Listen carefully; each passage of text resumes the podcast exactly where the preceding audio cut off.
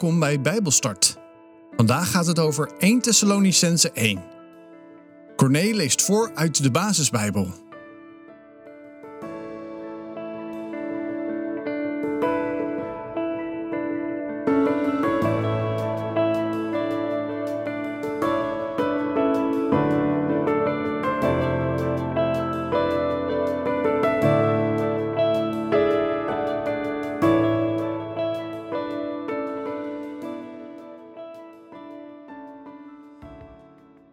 Deze brief is van Paulus, Silvanus en Timotheus.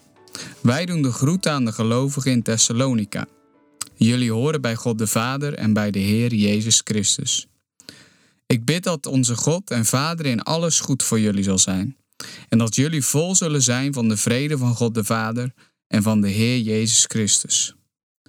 Elke keer als ik voor jullie bid, danken we God voor jullie. Want steeds weer moeten we eraan denken hoe goed jullie geloof en jullie liefde te zien zijn aan wat jullie doen. En jullie hebben een groot vertrouwen in de Heer Jezus Christus. We weten, broeders en zusters, dat God van jullie houdt en jullie heeft uitgekozen om bij Hem te horen.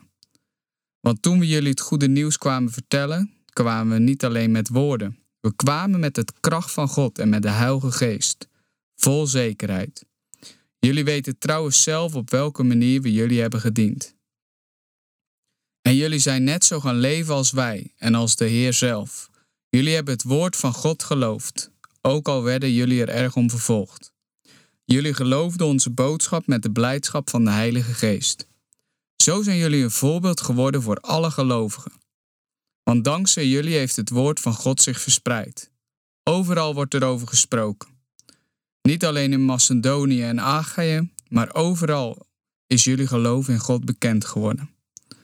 Wij hoeven daar zelf niet meer over te zeggen, want de mensen vertellen zelf over jullie dat jullie ons hebben geloofd. Dat jullie zijn gestopt met het aanbidden van afgoden en de levende en ware God zijn gaan dienen. En nu verwachten jullie de terugkeer van Gods Zoon uit de hemel, want Hij, Jezus, is door God uit de dood teruggeroepen en weer levend gemaakt. Hij redt ons van de straf die God over de mensen zal doen komen.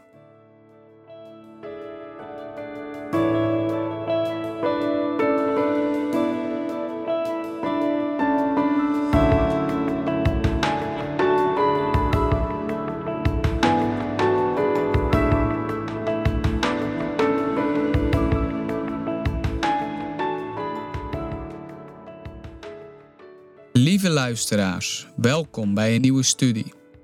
Wij hebben eerder dit jaar samen geluisterd naar de studies over de Efezebrief en vanuit de brief van Jacobus. En de komende tijd gaan we kijken naar de twee brieven aan de Thessalonicenzen. Mijn naam is Corné de Breeën en de komende tijd ga ik graag met jullie op zoek naar de schat uit Gods woord, geschreven aan deze gemeente en daarmee ook indirect naar ons. Eerst wil ik iets vertellen over het algemeen van deze brief. Zoals u misschien wel weet, heeft Paulus meerdere zendingsreizen ondernomen. Wanneer Paulus tijdens zijn tweede zendingsreis in Thessalonica komt, begint hij ook hier te prediken en het goede nieuws van Jezus Christus te verkondigen. En in deze stad ontstaat dan ook een gemeente. En deze stad die ligt in Griekenland en kun je ook vandaag nog bezoeken. En je vindt hier heel veel overblijfselen uit de Romeinse tijd en dus ook van de Bijbelse tijd, waarin deze brief is geschreven. Een aanrader om eens te bezoeken. En als de gemeente hier in Thessalonica ontstaat, komt dat met hele fijne, goede bijeenkomsten, maar ook met minder leuke dingen. Er ontstaat namelijk vervolging. En vaak is tegenstand van Satan het bewijs dat de Heere God aan het werk is. En dat is ook in Thessalonicense zo. De mensen daar, de nieuwe christenen, getuigen van de Heere Jezus. En dat is een les voor ons. Als je je mond maar houdt, zul je wellicht weinig tegenstand ontvangen. Maar zodra wij beginnen te getuigen van de hoop die in ons leeft, van de Heere Jezus die door de Heilige Geest in ons leeft, dan gaat de geestelijke wereld bewegen. Satan vindt het niet leuk als wij het werk van de Heer Jezus proclameren en verkondigen met onze mond en met onze daden. Door de vervolging is Paulus niet lang in de stad gebleven. En dat kunnen wij lezen in een ander Bijbelboek. Dit zien we namelijk in Handelingen. We lezen daar dat hij drie sabbatten bij hen is geweest. Hij heeft dus in drie à vier weken het evangelie, het goede nieuws, gepredikt en discipelen getraind. En ondanks Paulus zijn korte verblijf in deze stad, heeft hij toch veel van Gods liefde en de waarheid kunnen doorgeven. Paulus schrijft twee brieven aan deze gemeente. En dit is de eerste brief die hij heeft opgeschreven. Waarschijnlijk heeft hij deze brief geschreven rond het jaar 50 na Christus. De eerste brief is een aanvulling op wat hij al mondeling had verteld aan de gemeente toen hij hier was. En het geeft de gemeente extra kennis. Uit vers 1 blijkt dat Paulus deze brief niet alleen heeft geschreven, maar samen met Silvanus en Timotheus. Er staat namelijk in vers 1: Dit is een brief van Paulus, Silvanus en Timotheus aan de christen in de stad Thessalonica. En Timotheus en Silvanus zijn dus mede-afzenders van deze brief. Zij hebben samen met Paulus deze kerk en de gemeente van Jezus Christus opgebouwd. De mensen van deze gemeente zullen blij geweest zijn, ook van Silvanus en Timotheus te hebben gehoord in deze brief. Het zal warme gevoelens en herinneringen hebben opgeroepen.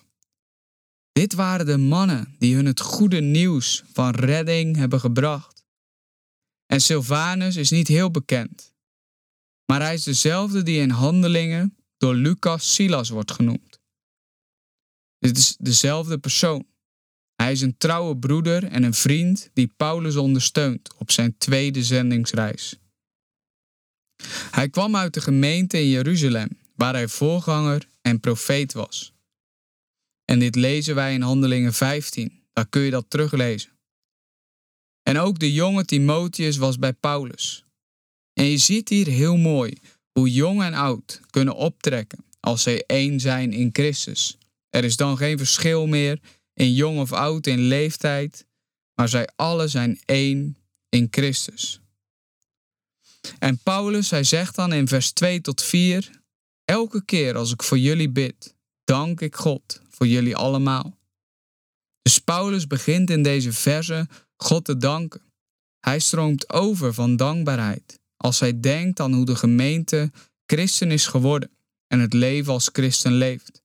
Paulus vervolgt: Ik dank God dat het geloof jullie veel goede dingen gebracht heeft, dat jullie uit liefde veel voor elkaar doen en dat jullie erop blijven vertrouwen dat de Heer Jezus Christus jullie zal redden. En zo dank ik onze God en Vader steeds weer voor jullie. Dus je ziet dat Paulus hier heel dankbaar is. Hij zegt dat de gemeente de christen in Thessalonica met hun levenswandel tonen dat het christenleven vrucht voortbrengt en het geloof goede dingen voortbrengt. En je ziet in vers 3 dat de bronnen van de kerk te vinden zijn in God. Je ziet hier geloof, hoop en liefde. En dit zijn de drie kernzaken van het evangelie. En Paulus, hij dankt God voor de liefde onder elkaar in deze gemeente. En daarna schrijft hij over het vertrouwen dat ze hebben. Dus de hoop die de gemeente heeft dat Jezus Christus hen zal redden. En ten derde noemt hij ook het geloof dat goede vruchten in deze gemeente voortbrengt. Geloof, hoop en liefde, dat zie je vaak terug in allerlei teksten, ook vandaag nog. En het belangrijkste is dat wij dit als christenen zichtbaar maken in ons leven. Dat is wat in deze gemeente in Thessalonicense gebeurt. Geloof blijkt uit de goede werken die ze doen en het vertrouwen dat ze hebben in Jezus Christus. Het gaat natuurlijk niet om de goede werken. Dat leren we in andere delen van de Bijbel. Maar het is de vrucht die hun geloof voortbrengt. Ze spannen zich in liefde in en ze volharden hier ook in. En daardoor houden ze hoop. En dat is een les voor ons. Wat het leven ook brengt, laten wij volharden, zoals deze gemeente ons ook leert. En juist ook in deze tijd in 2021 Laten wij volhouden en God dienen met ons leven. Laten wij kiezen voor eenheid. Volharden is meer dan doorzetten. Het is doorzetten onder de grootste beproevingen en in het grootste lijden. En je kan als mens op eigen kracht een tijdje volharden. Misschien kan jij dat ook wel, dat je het voor een tijd volhoudt als je beproeving hebt. Maar ieder mens komt op een punt dat wij moeten toegeven dat wij het zelf niet meer kunnen. En ieder mens komt op een punt dat wij moeten toegeven dat wij een redder nodig hebben. En die redder heeft een naam. En zijn naam is Jezus Christus. En dat geeft ons bijbelse hoop en zekerheid. En geeft ons ook vertrouwen om te volharden in de strijd. Jezus doorstond zelf de moeilijkste pijnen en hield vol tot in de dood. Hij versloeg zelf de dood op eigen terrein. Hij daalde neer in de hel en hij versloeg de dood op eigen terrein.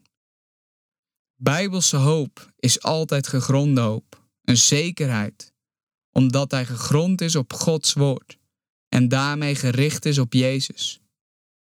En dat zie je in Thessalonicense ook. Je ziet dat er bij de gemeente volharding is, in de hoop dat Jezus terugkomt.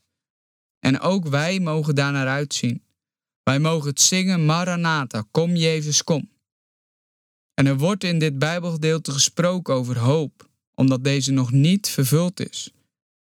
Wij hebben een hoop die zeker is, maar nog tot volle vervulling moet komen. Het is wel een zekere hoop, alleen moet de vervulling nog volledig komen. En dat is wat Bijbelse hoop is. Niet zomaar hopen dat iets goed komt, of ik hoop dat dit of dat gebeurt, maar een diepe overtuiging, een zeker weten. Die Bijbelse hoop brengt vrucht voort, en die vrucht is volharding. En dat zien we ook terug in deze gemeente. Iets wat innerlijk groeit, brengt naar buiten toe vrucht voort.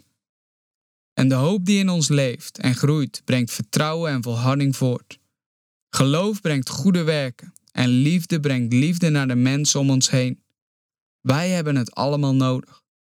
Laten wij bidden tot God om ook deze vrucht te ontvangen in ons leven, zoals dat in de gemeente in Thessalonicense was.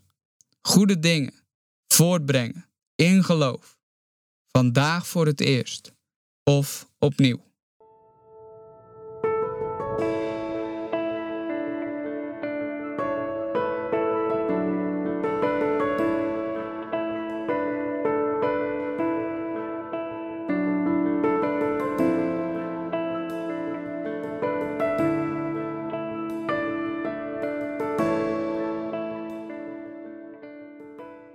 Dit was Bijbelstart, een programma van TWR. Het is gebaseerd op het Amerikaanse programma Through the Bible, ook wel TTB genoemd. En deze uitzending is een samenvatting van twee afleveringen. Wil je meer weten? Ga dan naar ttb.org of ga naar twr.nl/bijbelstart.